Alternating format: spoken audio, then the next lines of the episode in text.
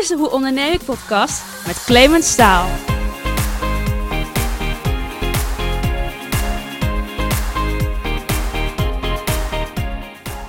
Welkom bij deze uitzending van de Hoe Onderneem ik podcast. Ondernemers zien kansen. En mijn gast van vandaag zag die kansen al op jonge leeftijd. Hij klopte bij zijn baas aan omdat hij zag dat er van alles bleef liggen. Maar toen zijn baas hier geen zin in had, dacht hij: dan doe ik het zelf wel. En zo begon hij met zijn eigen bedrijf in reclame, thuis aan de keukentafel.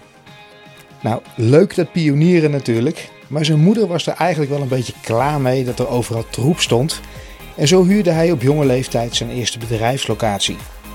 Nou, inmiddels zijn we ruim 12 jaar verder en is mijn gast Broes Sprongers net 30 geworden. Zijn ervaringen delen vindt hij leuk om te doen en zo gaf hij vandaag al een gastles aan MBO-studenten die graag ondernemer willen worden, waarna ik met hem deze podcast opnam. Gaaf dat we hier zitten. Ehm, hoeveel uren werk jij wel niet per week? Ik denk dat ik uh, tussen de 60 en de 70 uur per week zeker wel werk. Want je hebt geen personeel, je krijgt het niet af. Of waar, waarom werk je zoveel uren dan? Nee, ik, ik heb wel personeel, maar uh, um, de werkzaamheden die gaan gewoon door.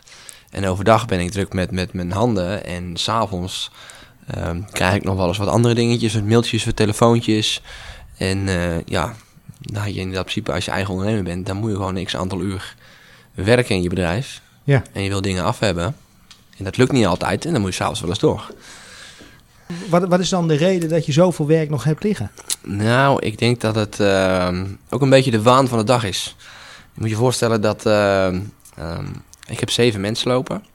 En die mensen hebben natuurlijk allemaal een keer een vraag. En dan gaat de deurbel een keer en de telefoon niet gaat. Mm -hmm. En je hebt zomaar rustig en soms een, een dag dan ben je, ben je vier uur druk met niks. Ja. Met allemaal randzaken. En vervolgens heb je wel je portie werk liggen wat eigenlijk af moet. En uh, dan ga je het niet meer redden in vier uur. Dus dan moet je soms een avondje doorhalen. Ja. En daarom uh, werk je wel eens uh, iets meer als een, als een gemiddelde, zeg ja. maar. En je was 17 toen je begon? 16? 18, Hoe oud 18, 18, 18 toch? was ik toen ik begon. Oké. Okay. Ja. vertel eens, want jij bent wat dat betreft echt wel de ondernemer die van, van jongs af aan gewoon bezig is geweest. Ja, ja. Hoe is dat gekomen? Nou, ik denk door een beetje eigen wijsheid en, en het niet, niet eens zijn met mijn, uh, mijn voormalige werkgever toen de tijd. Ja. En toch een bepaalde drang hebben om, uh, om het te willen doen. Ik, mm -hmm. ik had bijvoorbeeld een. Toen ik voor een baas werkte, had ik het idee dat er in de regio heel veel werk lag. Wat, wat we eigenlijk wel heel graag konden doen. Of wat ik ook heel graag wilde doen, maar dat wilde mijn baas niet. En uiteindelijk heb ik de keuze gemaakt om mijn slag in te dienen en het voor mezelf te gaan doen.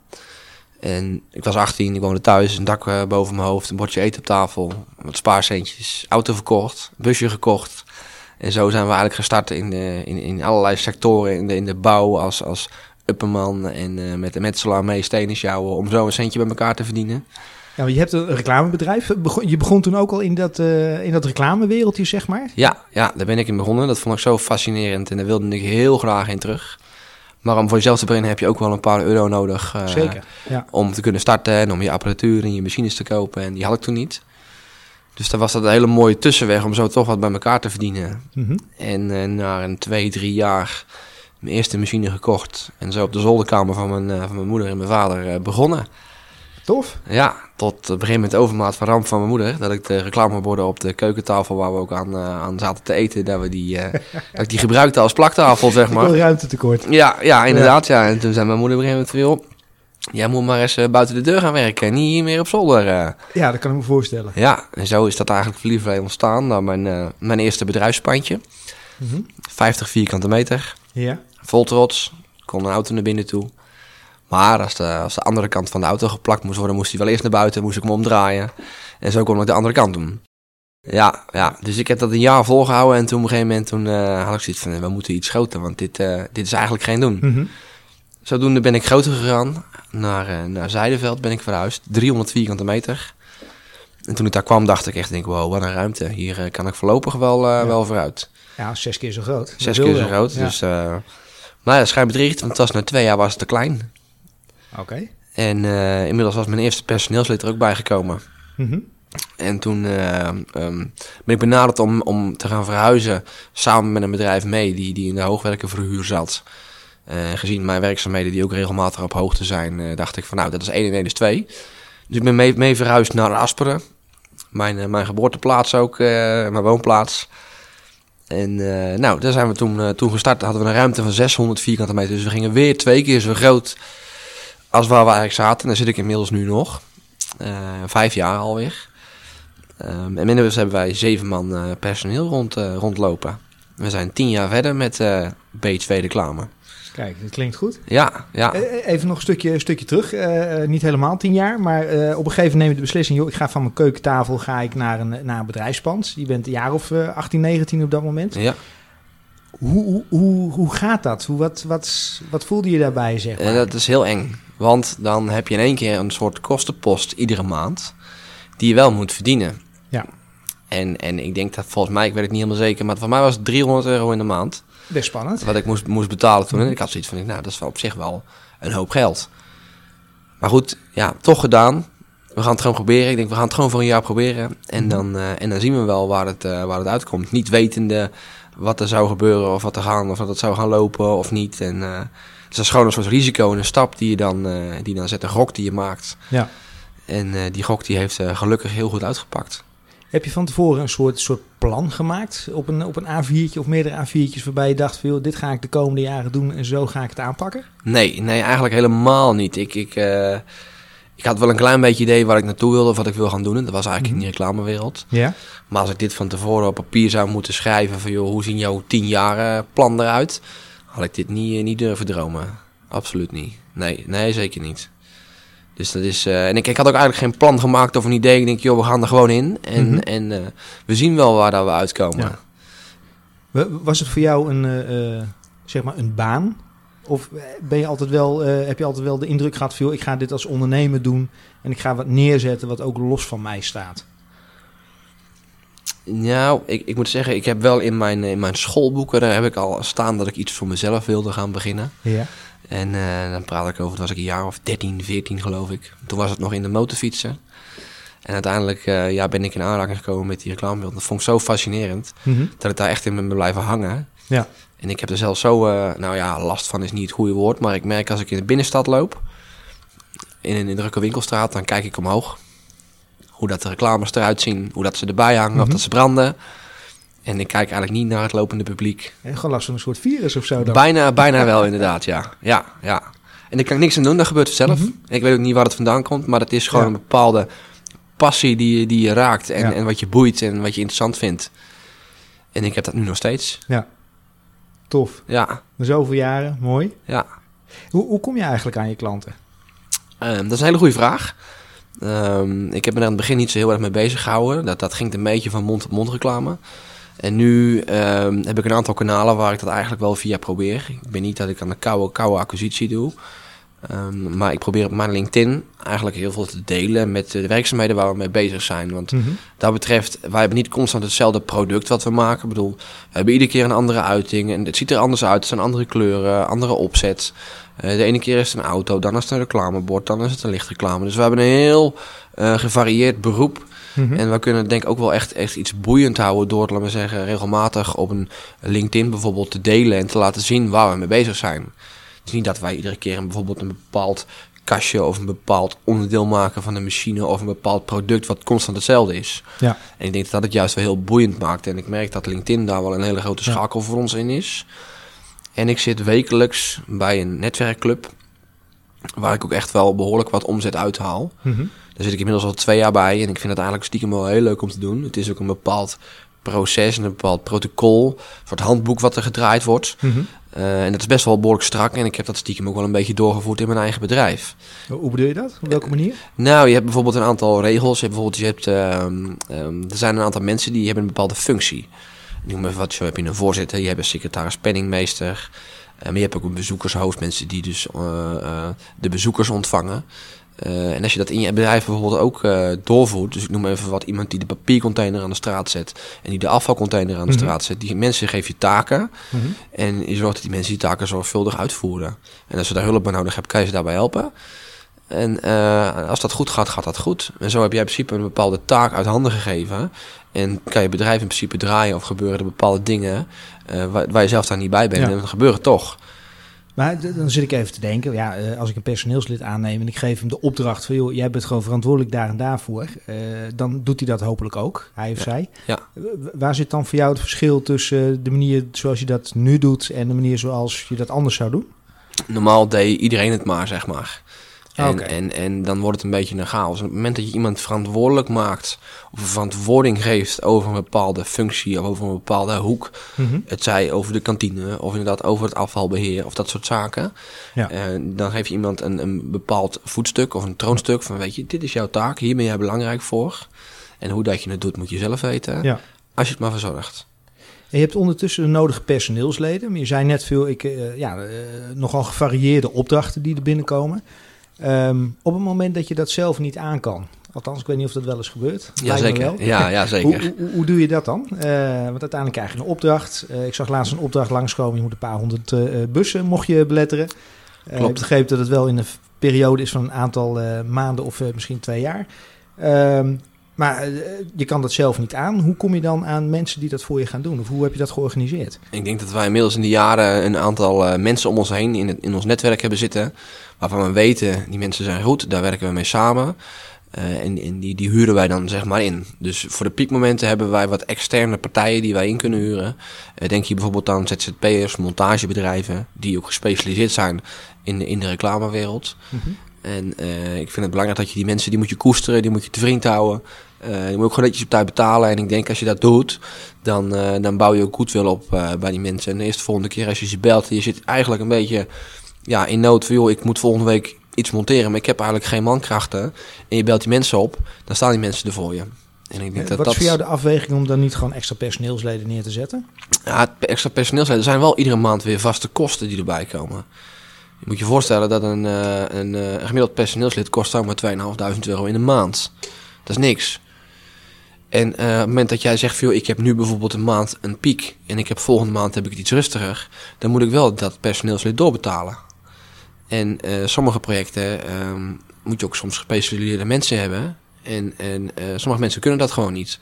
En dan vind ik het fijn om met externe partijen te werken, waarvan je weet dat, dat diegenen gewoon doen wat ze zeggen en dat het goed komt. En dat betekent dat je mensen met een project op pad stuurt. Hoe, controleer je dat dan, zeg maar? Hoe zorg je ervoor dat jij wel eh, ja, in charge blijft en er bovenop blijft zitten? Ja, om met mensen wel in contact te zitten en, en mijn eigen wel als soort van projectmanager, projectmanager te bemoeien met, met, met de zaak of met de case. En, en eh, zorgen dat ik dagelijks feedback krijg van, joh, wat is er gebeurd, wat is er aan de hand, wat speelt er, wat heb je nodig, wat, wat, wat moet anders of eh, hoe moeten we het anders aanvliegen.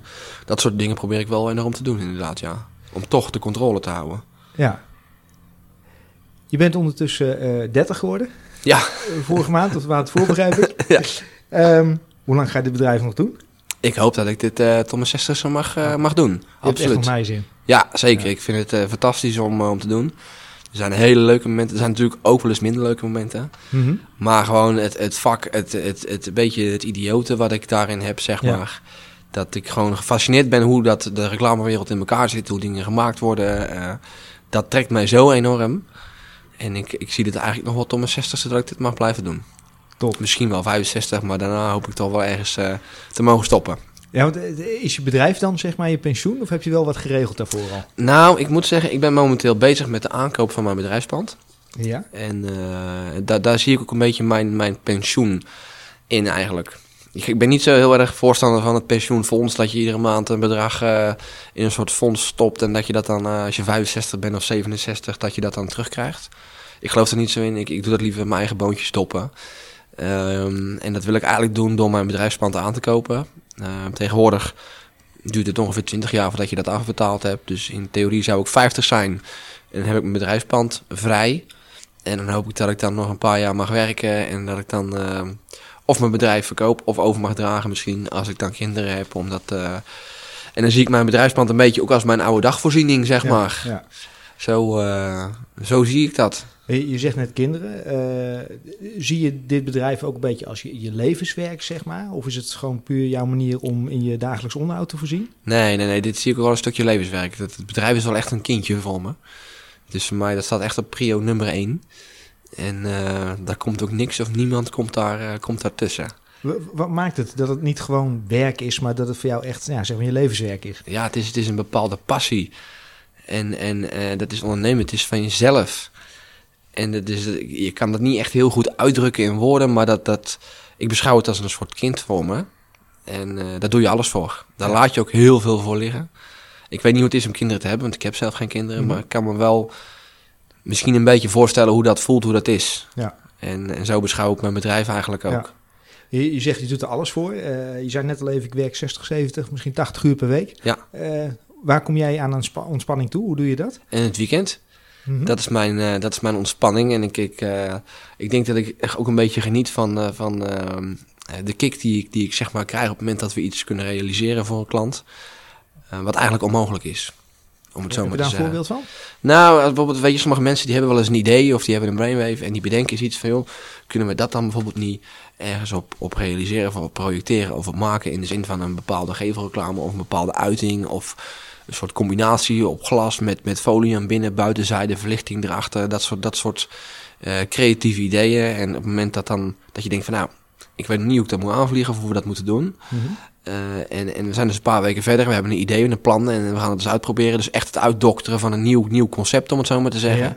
En het lukt en het staat en die klant is happy, dan, dan geeft mij dat wel een enorme kick. En ik denk dat het ook wel een stukje ja, ontspanning voor me is of zo.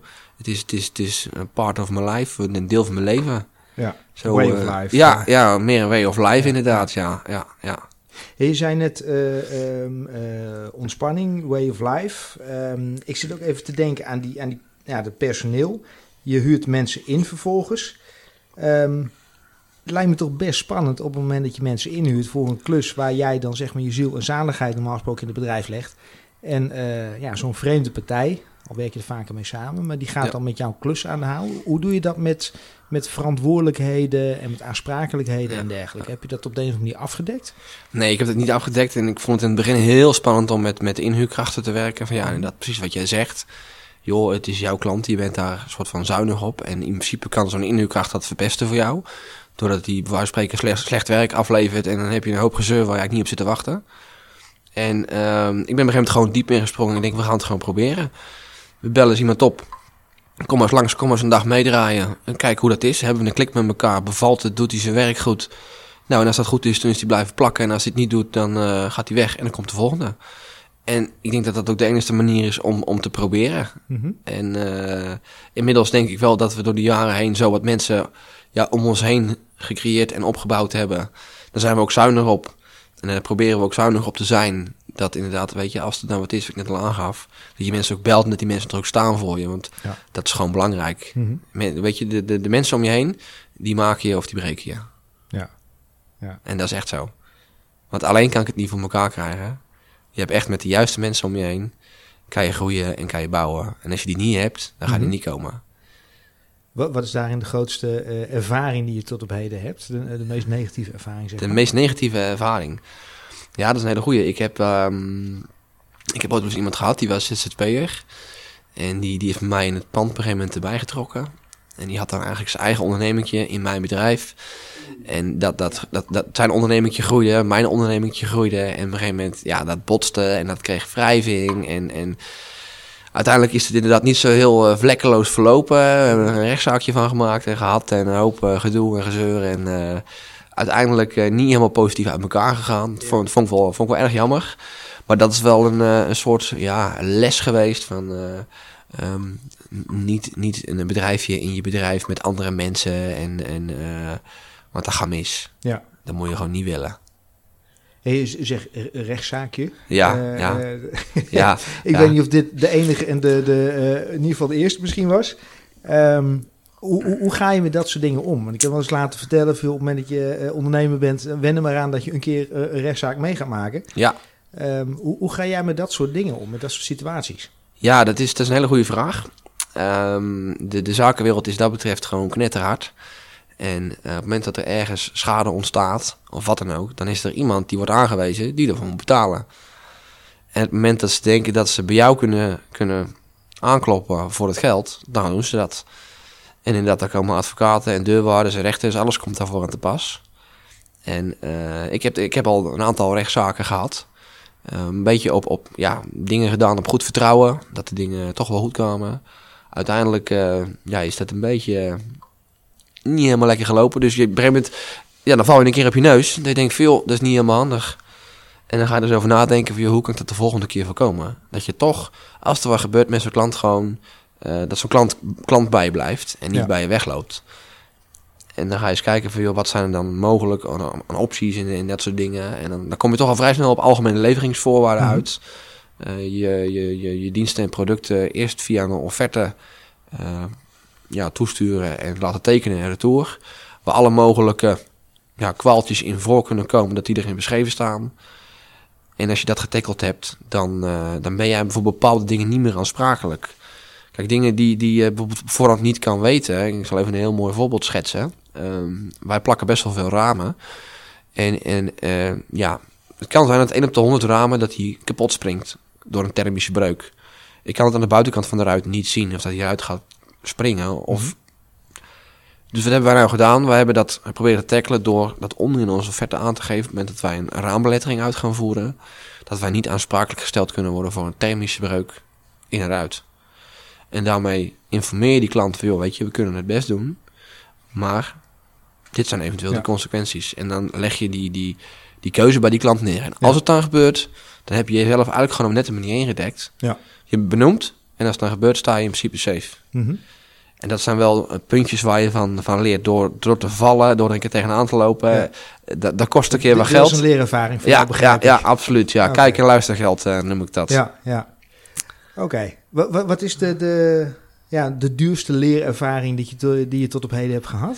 De duurste leerervaring. Ja, in dat al houden eh, een paar duizend euro, denk ik, altijd wel richting 10 10.000 wel ergens loopt, denk ik hoor. Ja, Ja. ja. En dan, En wat voor soort leerervaring was dat? In wat voor situatie? ja, ik denk dat het ook een rechtszaakvorm is, eh, om het zo maar te zeggen. Ik denk dat het eerste voorbeeld wat ik schetste met iemand samen in, in, in mijn bedrijf, twee bedrijfjes en eh, ehm, dat dat dan toch wel, dat kost gewoon ook geld. Ik bedoel, advocaatkosten, eh, rechten, al dat soort, dat soort randzaken. Een hoop tijd en energie. Lig je eh, op dat moment er ook wakker van? Of slaap je onrustig? Nee, nee, ik lig daar niet wakker van. Ik vind alleen, eh betreur soms gewoon enorm de situatie. Hoe dat, dat dan, laat maar zeggen, loopt en gaat en doet. En dan denk ik, dat zijn we soms allemaal zulke volwassen mensen. En dan op een gegeven moment wordt het gewoon een soort van kinderachtig gedrag. Over een meningsverschil. En dan houdt de een zijn poot stijf en de ander ook. En ja, als je dat blijft doen, dan komen er alleen maar meer kosten bij kijken. En onderaan de streep worden Ja. helemaal niks wijzer van. Daarbij, bij je laat het bij jezelf denk van, joh, als je dit op voorhand had geweten... en je had bij stap 1 bijvoorbeeld al in plek van bij stap 10... een keuze gemaakt van, joh, zo gaan we het doen... dan had er niks aan de hand geweest. En dat is wel, eh, eh, dat is, dat is wel jammer. Ja. Je bent nu eh, ongeveer tien jaar, tien jaar ondernemer, of ruim tien jaar. ja. Ehm, wat zijn nou echt jouw, jouw leerervaringen waarvan je zegt van hey, ook luisteraar zou daar wat aan hebben? Ja, ik denk, ehm ehm, wat net aangaf met, met, met offertes, algemene leveringsvoorwaarden. Van tevoren goed beschrijven wat je, wat je gaat doen. En wat eventueel de mogelijke risico's zijn, wat, jou, wat jouw garanties zijn die die je afgeeft. Die klant weet, hey, als ik dat koop of dat bestel, krijg ik dat ervoor terug. Dat je dat echt op papier hebt. Daarmee voorkom je dat je, dat je achteraf eh, een hele hoop gezeur krijgt. Ik zal een klein voorbeeld, met, een voorbeeld schetsen met een, met een reclamebord. Geef bijvoorbeeld aan hoe groot het reclamebord wordt. Hoeveel moeite is het om in je offerte dat te verwerken? Je een bord van een meter bij 50 gaat leveren. En dat bord dat past dan niet, omdat die klant niet goed gemeten heeft. Want de afmeting was bijvoorbeeld 80 bij 40. En jij zat daar met een te groot bord. Dan kun jij zeggen, ja maar hoes, dit hebben we afgesproken. Ik ging Ja. jou een bord leveren van een meter bij Ja. 50 en niet van 80 bij Ja. 40. Maar leg je dan ook de schuld bij de klant zeg maar neer? Nou, op dat moment kan je wel de schuld bij de klant neerleggen. Ik heb jou eh, aangegeven wat ik ga doen voor je. Dat heb ik naar je toegestuurd. Mhm. Daar heb je akkoord op gegeven. Ja. Dus dat voeren we uit. Ja. Ik heb me aan de afspraak gehouden. Alleen nu heb jij dus je werk niet goed gedaan. Ja. Dus in principe is het niet mijn probleem. Even heel zwart-wit. Het is nu jouw probleem. Ja. Dus als je dan een nieuw bord moet maken, dan kan je hem gewoon nog een keer doorrekenen. Op het moment dat je dat niet doet en je gaat telefonisch met elkaar dingen bespreken, dan heb je dat niet zwart-wit zwart staan. Dus als je dan bij die klant aankomt met een te groot bord, dan krijg je zo'n verhaal wel eens niet. Dus ja, maar ja, ik heb tegen jou gezegd 80 bij 40. Ja, ik heb een meter bij 50. Zulke dingen gebeuren er. Dus gewoon duidelijk communiceren. Duidelijk wat communiceren, af, ja. vastleggen. Ja, ja, ja, ja, ja, ja. En dan ook nog je algemene leveringsvoorwaarden. Dat is ook wel een, eh, een belangrijk ding, ben ik achtergekomen met, eh, met de rechtszaken, zeg maar. Wat zijn je algemene leveringsvoorwaarden? Weet wat daarin staat, weet wat je verantwoordelijkheden en je plichten zijn naar een klant toe. Zorg ook dat je dat doet en dat je dat uitvoert. En eh, als er dan wat is, en je wordt dan een keer voor de rechter gesleept, dan sta je sterk. Ja.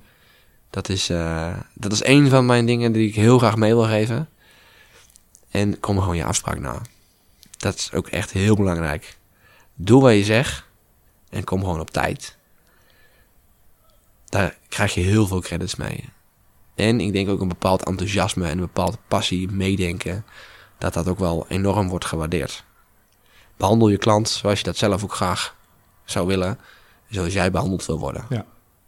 Vind je dan ook dat eh, eh, eh, mensen zaken doen met mensen, zeg maar? Ben jij degene of de reden dat ze met jou, met het bedrijf B2 Reclame zaken doen? Ik denk dat ik daar wel een grote rol in speel, ja. Ik denk niet dat iedere klant eh, vanwege mij klant bij mij is. Maar ik denk wel, ik ben wel een bepaald gezicht van een bedrijf. Ik ben eigenlijk, ja, ben een directeur, ik ben de eigenaar, ik ben een soort verkoper, salesman. Manage van alles. Manage van alles. Ik ben ook een beetje het gezicht van het bedrijf. Uh, maar er zijn natuurlijk ook diverse klanten die mij niet eens kennen. Ik heb ook wel eens klanten gehad die gewoon bellen die ik nog nooit gezien heb. Waar we ook werkzaamheden voor uitvoeren, al diverse keren. Ja. Maar ik heb die mensen nog nooit gezien. Ja. En die zijn klant vanwege dat wij, ja, ik denk, goed werk leveren. Ja. Maar die hebben geen, eh, geen, geen band met mij of die hebben mij nog nooit gezien. Mhm. Dus dat is, uh, ja, het is een beetje van beide. Ja. Hoe, hoe zorg jij dat uh, klanten bij jouw klant worden, blijven en ook naar de toekomst toe dus inderdaad gewoon bij jouw producten blijven afnemen? Ja, dat is een goede vraag. Ik, uh, ik probeer nieuwe klanten te krijgen en dat via netwerkclubs. Uh, LinkedIn is voor mij ook een grote, grote schakel. En ik ben er ook van overtuigd als jij in je bestaande klanten netjes en goed werk aflevert. Doe wat je zegt. Zorg dat je klant happy is met hetgeen wat jij doet. Dan praat zo'n klant erover. Ik bedoel, ze lullen over je als het slecht gaat. Of als het slecht is. Of, slecht, of je hebt iets niet goed gedaan. Maar er wordt ook over je gepraat als je iets goed doet. Nou, en, en, en hoe tof is het als iemand anders bij jou komt en die heeft gehoord van iemand anders, dat jij je werk goed gedaan hebt en dat het zo mooi is en zo goed is, nou, dan kan je eigenlijk niet meer stuk bij zo'n klant. Ik denk dat het ook een, hele, een, hele mooie, uh, een heel mooi voorbeeld is van hoe klanten bij je terecht kunnen komen. Ja. En dat zijn eigenlijk mijn drie kanalen, hoe ik dat, uh, ja. hoe ik dat doe. Ben je succesvol als ondernemer? Ja, ben ik succesvol. Wanneer ben je, wanneer ben je succesvol? Uh, wat vind jij succes? Wat vind ik succes? Misschien zeggen de mensen wel tegen mij dat ik succesvol ben gezien wat er allemaal gebeurt de afgelopen tien jaar en hoe ver we gaan en hoe ver we staan. Maar misschien is het heel stom gezegd, zo, zo, zie ik dat niet, zo beschouw ik dat niet. Ik beschouw het als mijn, mijn werk, mijn kindje, mijn ding. En daar doe, daar doe ik veel voor. Um, je laat er ook veel voor? Ik laat er ook wel een hoop dingen voor, ja, absoluut, absoluut. Maar ja, ben je dan, ben je dan succesvol? Ja, ik denk aan de ene kant ben ik denk ik wel succesvol. Ik vind het heel ja, raar om het een beetje over mezelf te zeggen, want zo zit ik eigenlijk helemaal niet in elkaar. Ik doe gewoon mijn ding, ik doe mijn werk en ik doe wat ik leuk vind. Uh, ja, ik kan niet meer doen dan mijn best. Nee. Als je met, uh, met vrienden een biertje gaat drinken op, uh, op zaterdagavond, wat zeggen die over jou dan? Ja, ik denk dat die wel, wel een bepaalde respect voor me hebben en, en een bepaalde manier tegen mij aankijken. Maar zo wil ik eigenlijk niet door mijn vrienden gezien worden. Ik wil gewoon als de normale Bruce gezien worden van gewoon een gezellige leuke jongen. En niet om wat ik heb of wie ik ben of waar ik sta of wat Ja. mijn netwerk is. Dat wil ik helemaal niet. Ja. Zou ik, zo zou ik ook niet aan mensen willen komen als zijnde vrienden. Mhm. Ik wil graag vrienden om me heen hebben, die mensen die, die mij nemen zoals ik Ja. ben. En niet om wat ik heb. Maar je bent eh, eh, jong begonnen met, met B2-reclame. Vervolgens heb je, eh, wat je net al vertelde, je, je ingekocht, in ieder geval bent samenwerkt met de partij die hoogwerkers verhuurde. Ja. Eh, daar heb je stappen in genomen. Eh, je hebt de nodige apparatuur aangeschaft, wat behoorlijke investeringen zijn. Ondertussen ben je ook eh, de eigenaar geworden, begreep ik, van Espolux. Eh, Expolux, klopt. Ja, ja, klopt Dus, inderdaad. Beursvloeren en dergelijke. Ja, Ehm, je moet wel durven, je moet wel lef hebben om dit soort dingen telkens te doen. ja, ja, klopt inderdaad. Ja, dat, dat, dat is soms een risico nemen. Dat is een gokje wagen. En eh, eh, je kan niks van tevoren in de toekomst zeggen hoe dingen lopen, hoe dingen gaan. Hoe overweeg jij zo'n keuze dan? Ik bedoel, zo'n zo'n Expolux eh, komt langs. Nou, we hebben in het voorgesprek zei even, ik werd op een gegeven moment benaderd. Is het wat voor je? Ja, Ehm, hoe maak je dan zo'n afweging? Want het, bedoel, je neemt het niet gratis over, dus Nee. er zit een bepaald risico ook aan financieel. ja, ja. Hoe, hoe maak je zo'n afweging? Dat is eigenlijk puur op gevoel. Vertrouw ik zo iemand, ja of nee? En ik denk dat Expolux wel een heel mooi voorbeeld is. Dat is een, ehm, een, eh, een bedrijf wat eigenlijk praktisch 200 meter bij mij vandaan zit. En die hebben mij benaderd of dat ik het van hun wilde overnemen. Uh, ik moest me eigenlijk inderdaad inkopen met een bepaalde inkoopfee. En ik moet jaarlijks vijf jaar lang ook een fee afstaan voor de uh, omzet die ze in principe gewoon nu al draaien. Dus in principe als ik er niks aan doe, verdien ik niks. En op het moment dat ik mijn beste voor doe, kan ik er geld mee verdienen. Ja, ja. Maar over vijf jaar is het wel voor mij. Best een logisch verhaal. Um, en, en dan ga je je eigenlijk afvragen, ja, moet ik dat doen, moet ik het niet doen? Het is een hoop geld. Er zit een risico in. Ja, blijft het draaien, blijft het niet draaien? Um, andere kant geloof ik niet dat de buurman die bij mij 200 meter verderop zit, mij een kat in de zak gaat verkopen.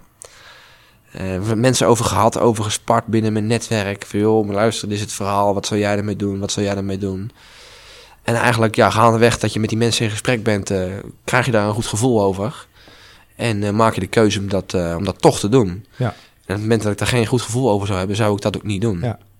Je, je net wel mensen in jouw omgeving, in je netwerk, zeg je, daar ga je wel mee klankborden veel. Wat zou jij doen? Hoe kijk je er tegenaan? Ja, absoluut. absoluut. Ik, ik bedoel, uh, ze zeggen alleen uh, ben je sneller, samen kom je verder. Ja. En dat ben ik ook wel, uh, ben ik me heel erg van bewust dat dat ook echt zo is. En in principe vragen kost niks. Dus waarom zou je niet gewoon eens met iemand die ook ondernemer is, het verhaal voorleggen, joh, hey, wat vind jij ervan? Hoe zou jij dat doen?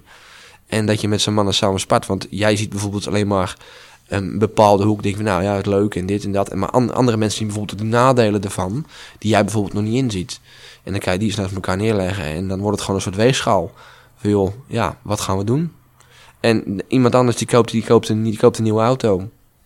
En ja, ik koop een bedrijf erbij. Ja, logisch. Ja, ja zo, zo, dat, is, dat is een beetje die weegschaal. Van, ja, weet je, wat, ja, wat, wat, waar geef je je geld aan uit? Ja.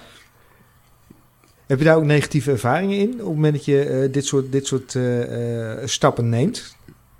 Ja, ik ook wel eens een keer inderdaad een beetje op mijn neus gaan liggen, denk ik. Door te veel centjes uit te geven. en dan later achter te komen dat inderdaad dan bijvoorbeeld de belastingdienst toch nog komt. En dat je dan toch nog wel een beetje belasting moet betalen. En dat je dan een beetje platzak bent, zeg maar. En dan is het toch wel weer lastig om de cashflow weer een beetje omhoog te krijgen. En, uh, Klassieke valkuilen voor de ondernemer. Ja, ja, exact inderdaad. Ja. Ja, zorg dat je altijd iets achter de hand hebt. En dat je cashflow op je rekening hebt staan om bijvoorbeeld je inkopen te kunnen doen. Ja. Want dat is altijd een soort balans, weet je wel. Inkoop, verkoop, vaste kosten, salaris, huur van je pand, gas, water, licht, verzekeringen. Het zijn allemaal kosten die moeten maandelijks betaald worden. Dus je hebt gewoon een x-bedrag nodig om bijvoorbeeld twee of drie maanden gewoon uit te kunnen zingen zonder dat je inkomen hebt. Ja. En als je dat hebt, dan heb je in principe, uh, zit je er denk ik, is je basis goed.